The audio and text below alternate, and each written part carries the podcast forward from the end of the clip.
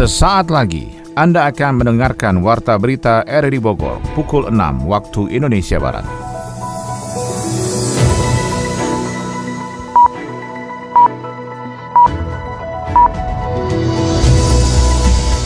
Selamat pagi dan salam jumpa. Kami kembali menyapa Anda dalam Warta Berita edisi hari ini Rabu 13 Oktober 2021. Siaran Warta Berita ini bisa Anda dengarkan kembali lewat Spotify, Anchor, dan Google Podcast dan bisa Anda dengarkan secara live streaming lewat aplikasi RRI Play pada perangkat smartphone Anda. Juga turut disiarkan Radio Tegak Beriman Kabupaten Bogor. Berita utama hari ini adalah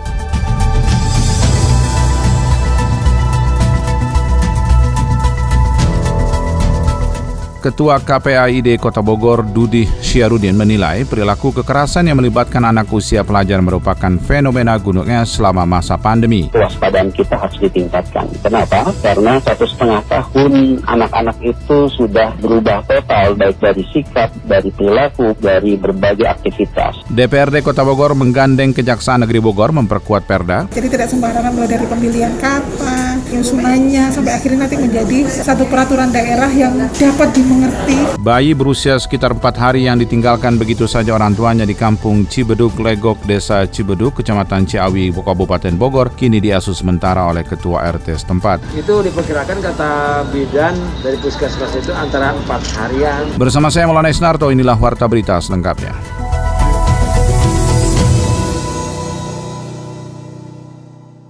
Ketua Fraksi Partai Amanat Nasional PAN DPR Saleh Partawanan Daulay mendorong pemerintah memberikan perhatian khusus pada pelaksanaan pembelajaran tetap muka PTM terbatas di pandemi. Ia mengatakan pelaksanaan PTM terbatas harus didukung oleh semua pihak, terutama lintas kementerian atau lembaga. Anggota Komisi 9 DPR itu menjelaskan kerjasama yang dimaksud berfokus pada dua hal, yaitu pelaksanaan testing dan vaksinasi COVID-19. Saleh menilai kerjasama itu sangat penting untuk mempercepat pencapaian target pemerintah dalam pelaksanaan vaksinasi, terutama menjelang akhir tahun. Dan oleh karena itu ia berpandangan sudah saatnya pelaksanaan testing diarahkan ke sekolah-sekolah dan perguruan tinggi. Ketua KPAID Kota Bogor Dudi Siaduni menilai perilaku kekerasan yang melibatkan anak usia pelajar merupakan fenomena gunung es selama masa pandemi. Laporannya disampaikan Adi Fajar Nugraha. Kasus pembunuhan pelajar yang terjadi di Kota Bogor menjadi perhatian banyak pihak. Pasalnya peristiwa berdarah itu terjadi hanya dalam kurun waktu empat hari penyelenggaraan pembelajaran tatap muka berjalan di Kota Bogor. Salah satu sorotan datang dari Komisi Perlindungan Anak Indonesia Daerah KPAID Kota Bogor. Ketua KPID Kota Bogor Dudi Syarudin menilai perilaku yang melibatkan anak usia pelajar merupakan fenomena gunung es selama masa pandemi ini. Menurutnya kejadian yang masuk dalam kategori kriminal itu bisa dilatar belakangi euforia para pelajar dalam memasuki masa pembelajaran tatap muka. Selain itu Dudi juga menyoroti soal dampak penggunaan gadget selama pelajar melaksanakan pembelajaran jarak jauh yang tidak sedikit menimbulkan efek negatif kami ingatkan berkali-kali baik itu pada stakeholder ataupun kepada orang tua itu sendiri. Ketika PTMT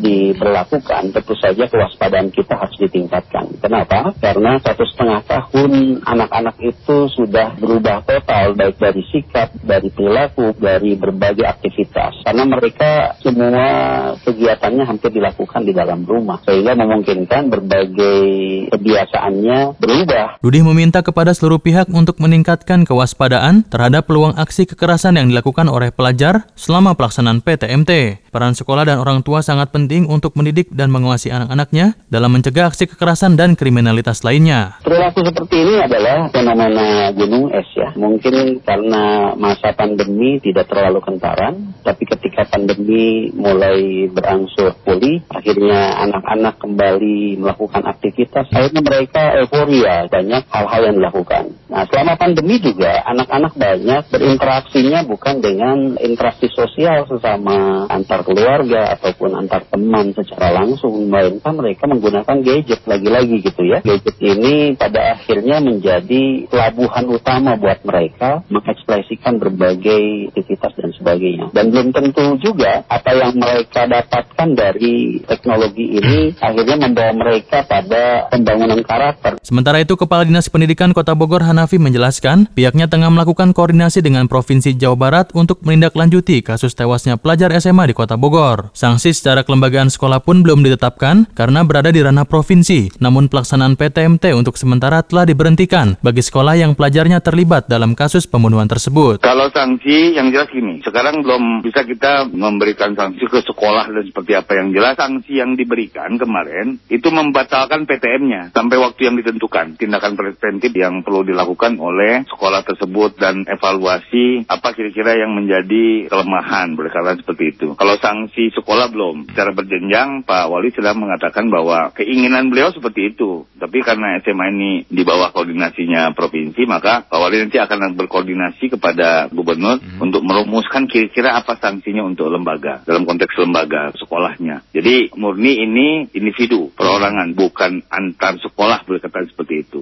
Kejadian ini harus menjadi pembelajaran dan autokritik bagi semua pihak. Dengan adanya peningkatan kewaspadaan dan kepedulian dari masyarakat, diharapkan tidak ada kejadian serupa seperti yang terjadi pada tewasnya pelajar itu. DPRD Kota Bogor menggandeng Kejaksaan Negeri Bogor memperkuat Perda. Sony Agung Saputra melaporkan. Produk-produk hukum DPRD Kota Bogor dalam bentuk perda banyak tidak berdampak maksimal pada masyarakat sehingga dibutuhkan kajian dan pendampingan dari pihak kejaksaan. Ketua DPRD Kota Bogor Atang Trisnanto menjelaskan saat ini ada payung penegakan produk hukum daerah sehingga Kejaksaan Negeri Bogor dapat melakukan kajian terkait hukum dan perundang-undangan agar bisa berdampak maksimal terhadap kemaslahatan masyarakat.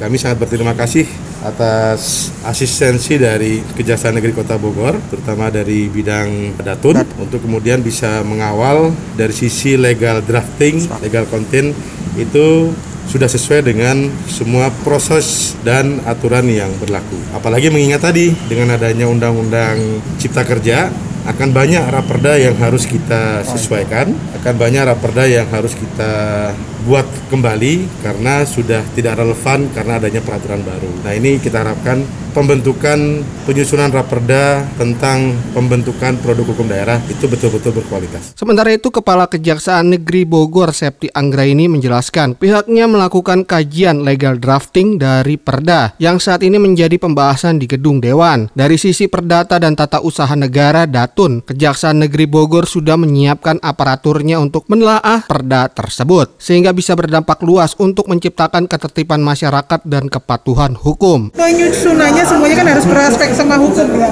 mulai dari redaksionalnya benar nggak? Tapi kami tidak menyinggung muatan teknisnya karena sudah beliau-beliau yang aspirasi sesuai dengan kebutuhan masyarakat. Tapi kami mendampingi dari sisi aspek hukumnya.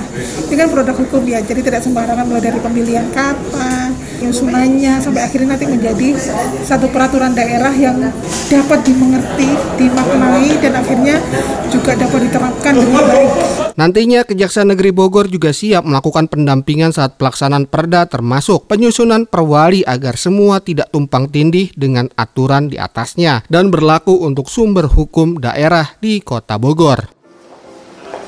Cie, yang abis pulang liburan, gimana New York? Seru gak? You know, seru banget. So many tempat famous like Times Square nih yang really really crowded. Literally aku sih prefer rekomend liburan ke luar negeri ya. Kayak ada pride gitu gak sih kalau kita posting ke sosial media? That's why foto aku tuh banyak yang like. Um, perhaps later kita bisa lah go ke sana. Ih, Maisaro, Maisaro. Ngomong apa sih dari tadi? Kamu nggak understand? Gak gaul nih. Normally, anak zaman now tuh gini kali talknya. Maisaro, belajar bahasa asing itu bagus-bagus aja. Tapi kita juga perlu tahu cara penempatannya. Dan yang paling penting sih, kita nggak lupa ya sama bahasa kita. Kamu inget kan ikrar Sumpah Pemuda poin ketiga menjunjung bahasa persatuan, bahasa Indonesia? Iya ingat. Makasih ya Francisca udah ngingetin. Program Sabah Desa pemerintah Kabupaten Bogor menyasar Kecamatan Ciawi. Sejumlah warga di desa kecamatan tersebut mendapat kesempatan untuk bertemu dan berjabat langsung dengan Bupati Bogor dan Kepala SKPD-nya melihat dari dekat program pembangunan dan pelayanan pemerintah yang dijalankan. Dan yang paling dinanti adalah bantuan langsung berupa uang tunai untuk perbaikan sarana peribadatan serta santunan untuk warga disabilitas, tidak mampu dan orang tua jompo di desa Cibolang, Kecamatan Ciawi, Kabupaten Bogor. Saya melihat juga rumah tidak layak huni dan memberikan bantuan sebesar 15 eh, juta per rumah dan ada yang juga sudah lima tahun menderita stroke. Saya juga melihat tadi UKM. Lalu setelah itu kita melihat vaksinasi yang dilaksanakan di SMP ini di SMP Negeri 1 uh, Ciawi. Dalam safari kunjungan ke desa-desa di Kecamatan Ciawi itu pun Bupati Bogor Ade Yasin mengakhiri kunjungan kerjanya di SMP Negeri 1 Ciawi Desa Banjarwangi. Dalam kesempatan itu, Bupati Ade Yasin melihat dari dekat proses vaksinasi COVID untuk guru dan pelajar sebagai syarat melaksanakan belajar tatap muka. Jadi target vaksinasi kita ini harus tercapai 70% di bulan sampai akhir Desember. Ya kerja-kerja keras kita memang harus dibantu semua pihak ya, termasuk sekolah-sekolah begitu. Karena sekolah ini banyak. Jadi saya nanti minta laporan dari uh, Kadisdik berapa sekolah yang sudah divaksin 100%, berapa yang belum. Yang belum 100%, barangkali nanti kita akan juga pembelajaran hibrid yaitu yang sudah melaksanakan vaksinasi itu PTM. Tapi yang belum divaksin nanti belajar daring begitu ya. Pada kesempatan yang sama, Kepala Dinas Pendidikan Kabupaten Bogor Juanda Dimansah menjelaskan belajar tatap muka sudah 80 persen dilakukan tingkat SD dan SMP. Untuk SMP presentasinya lebih besar mengingat pelajar SMP lebih prioritas mendapat vaksin COVID. Ada metode hybrid yang diterapkan yakni belajar tatap muka yang dipadukan dengan belajar daring atau online. Sedang berjalan hanya kan, kan SMP dulu kan sekarang prioritas kan. SMP dulu. Ya, B langsung ke SD gitu kan. Oh, Tergantung pada kebutuhan vaksin Yang dari SMP-nya sudah 80 persen ya? udah 96. 96 SMP ya? Iya. Kegiatan Sahabat Desa ditutup dengan pemberian bantuan dan evaluasi kepada seluruh warga desa di Kecamatan Ciawi, Kabupaten Bogor. Pada kesempatan itu, Bupati mengajak masyarakat untuk sama-sama mengawasi bantuan program Samisade agar tepat sasaran dan tidak disalahgunakan. Kejaksaan Negeri Bogor meluncurkan pelayanan terpadu satu pintu yang disebut Laksa Bogor. Sony Agung Saputra melaporkan. Masyarakat Bogor kini bisa mengakses pelayanan terpadu satu pintu dari Kejaksaan Negeri Bogor untuk mengetahui berbagai produk hukum dari instansi setempat. Layanan tersebut adalah Laksa yang merupakan singkatan layanan Kejaksaan Segala Aya. Kepala Kejaksaan Negeri Bogor Septi Anggraini menjelaskan masyarakat dapat memantau proses perkara hukum yang sedang berjalan baik itu pidana atau perdata. Dalam layanan tersebut masyarakat diberi kemudahan dalam mengambil barang bukti yang semuanya dapat diakses secara gratis oleh semua lapisan masyarakat. Laksa Bogor namanya, layanan komplit sadayana Kejaksaan Negeri Kota Bogor. Artinya, satu tempat kecil itu, tapi di dalamnya terdapat beberapa layanan. Jadi kalau mau ambil barang bukti ya ke situ. Mau bertamu untuk menanyakan jadwal sidang misalnya ke situ.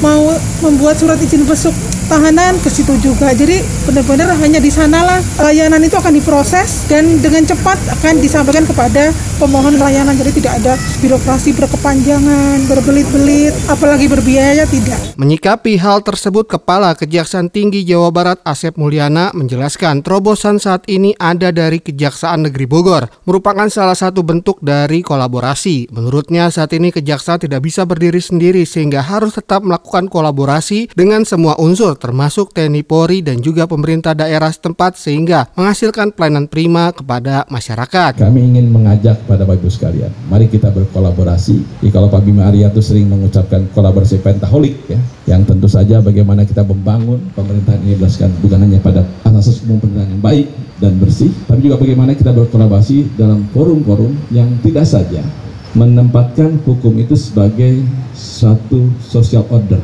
untuk tatanan sosial saja, untuk ketertiban sosial saja. Tapi yang yang benar itu adalah bagaimana kita juga mengembangkan hukum itu sebagai social welfare, kejahatan sosial. Jadi pengertian social welfare dalam konteks mungkin dipraktekkan dalam teori-teori hukum modern, bagaimana kita juga bisa kontribusi membangun daerah ini. Bagaimana kejaksaan itu juga bisa memberikan aura positif bagi percepatan pembangunan di Kota Bogor. Kepala Kejaksaan Tinggi Jawa Barat Asep Mulyana juga meminta seluruh aparatur jaksa di wilayah Jawa Barat terutama Bogor harus tetap sigap dalam melakukan penuntutan dan penyadaran terutama pencegahan terhadap tindak pidana yang kemungkinan terjadi di wilayah Bogor dan sekitarnya sehingga kepatuhan hukum dapat tercipta. Bayi yang berusia empat hari yang ditinggalkan begitu saja oleh orang tuanya di kampung Cibeduk Legok, Desa Cibeduk, Kecamatan Ciawi, Kabupaten Bogor, kini diasuh sementara oleh Ketua RT setempat. Temuan bayi merah mungil yang tergeletak di pinggir jalan itu pun dilaporkan kepada Kepala Desa Cibeduk Ciawi, Denny Setiawan. Bayi masih hidup? Tapi masih hidup.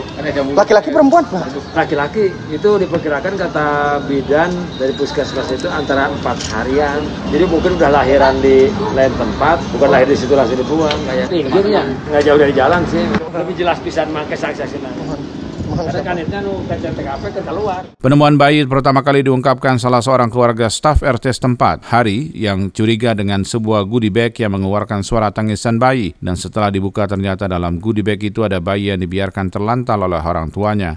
Melihat kondisi bayi dalam keadaan bernyawa, Hari segera membawanya ke puskesmas untuk diperiksa. Ya tetap aja kita nanti kan bikin itu yang laporan atau modal apa penemuan. Nanti kan siapa nanti menelantarkan anak karena kan kita kan juga sampai cari informasi RT RW apa ada orang situ uang kan nggak tahu ya namanya orang mungkin orang jauh dari sini ke sana taruh balik lagi.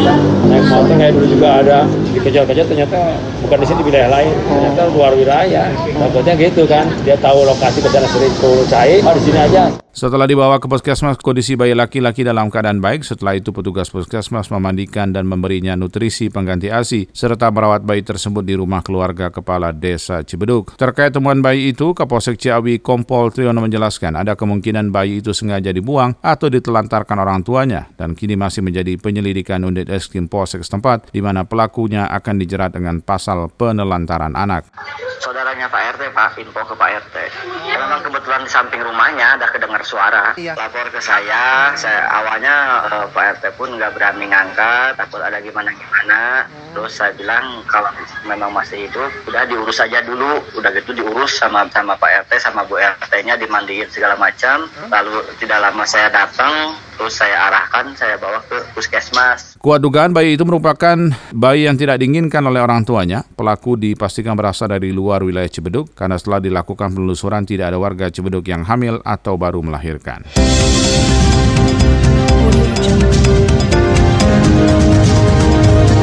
Anda tengah mendengarkan Warta Berita RRI Bogor.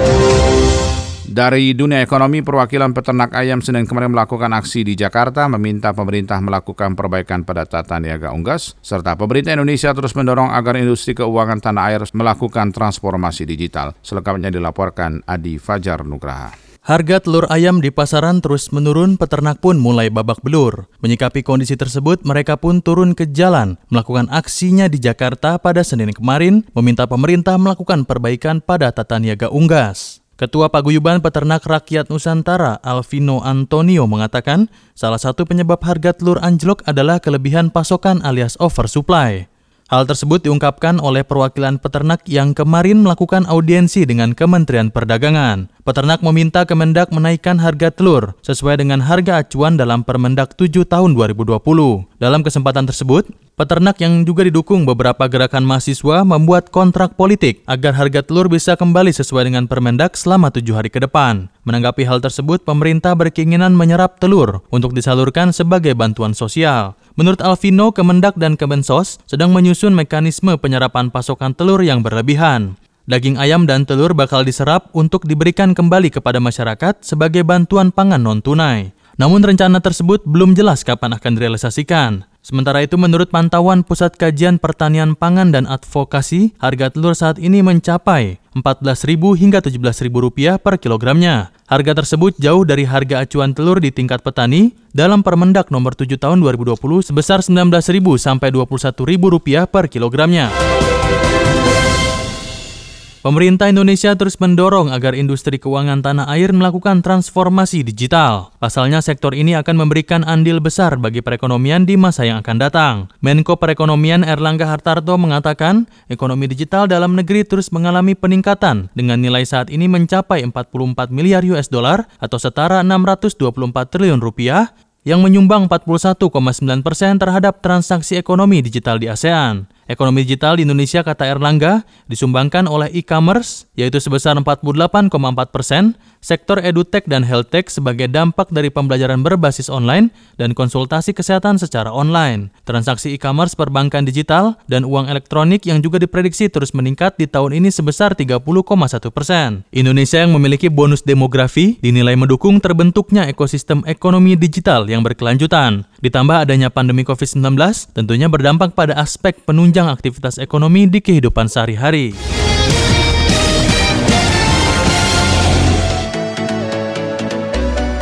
Dari dunia olahraga, Indonesia memuncaki klasmen Piala Thomas di Grup A selesai menang atas Thailand dengan skor 3-2. Atlet Kota Bogor yang memperkuat kontingen Jawa Barat pada Pekan Olahraga Nasional ke-20 Papua sukses menyabet 21 medali emas pada hari ke-12 pelaksanaan event akbar 4 tahunan tersebut. Laporannya disampaikan Ermelinda.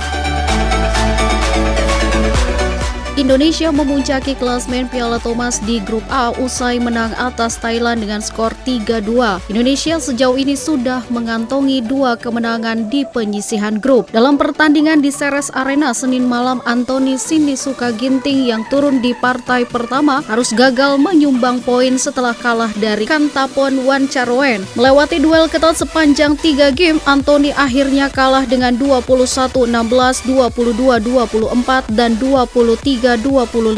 Indonesia kemudian menyamakan kedudukan berkat kemenangan Kevin Sanjaya Sukamulyo dan juga Marcus Fernaldi Gideon. The Minions menang atas Supak Jomko dan juga Kitty Nupong Kedren dengan skor 19-21, 21-18, dan 21-13. Indonesia kembali tertinggal setelah Jonathan Christie kalah dengan 10-21, 14-21 dari Kunlafut Fititsan. Namun Fajar Alfian dan Muhammad Rian Ardianto yang turun di partai keempat tampil apik untuk mengalahkan Natapat dan juga Tanupat dengan 21-9, 21-12 dan membawa Indonesia menyamakan kedudukan menjadi 2-2. Kemenangan Indonesia akhirnya dipastikan oleh Cesar Hiren Rustavito yang menang atas Adurah Namkul dengan skor 23-21, 10-21 dan 21-8. Dengan hasil tersebut Indonesia kini memuncaki klasmen grup A dengan dua kemenangan kemenangan. Meski demikian, Indonesia belum dipastikan lolos ke perempat final Piala Thomas 2020.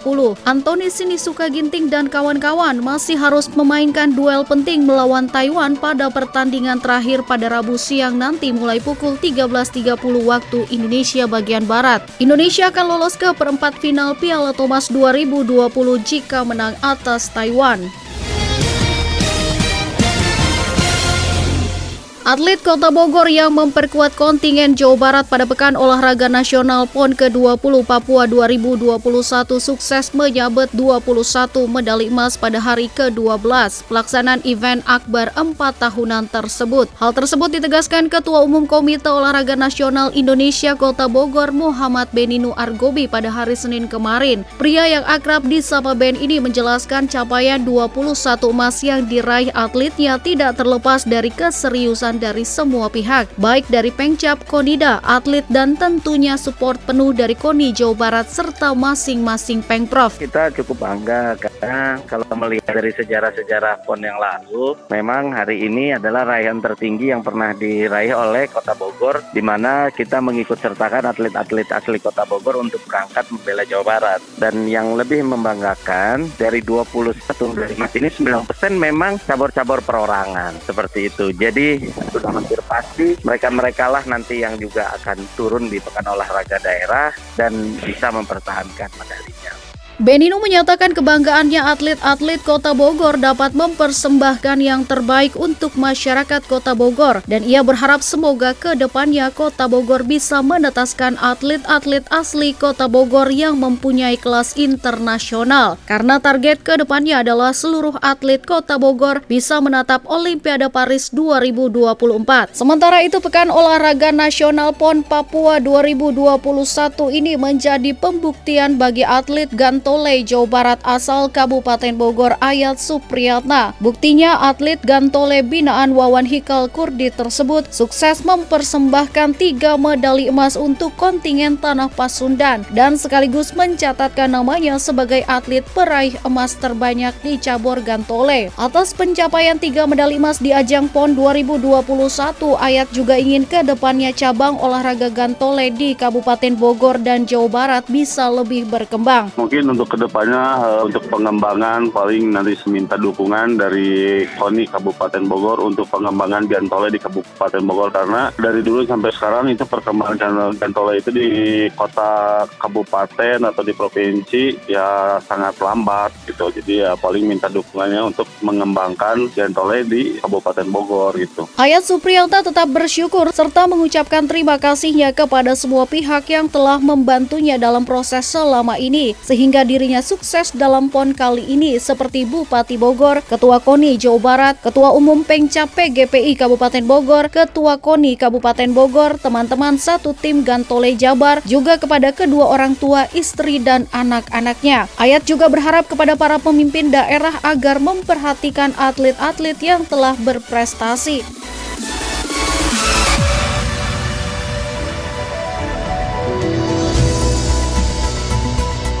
Demikian rangkaian informasi yang kami hadirkan dalam Warta Berita di edisi hari ini. Sebelum berpisah kami sampaikan kembali berita utama.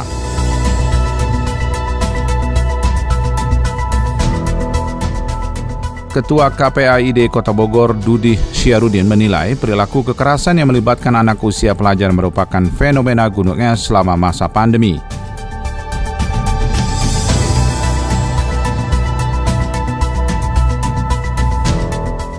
DPRD Kota Bogor menggandeng Kejaksaan Negeri Bogor memperkuat Perda.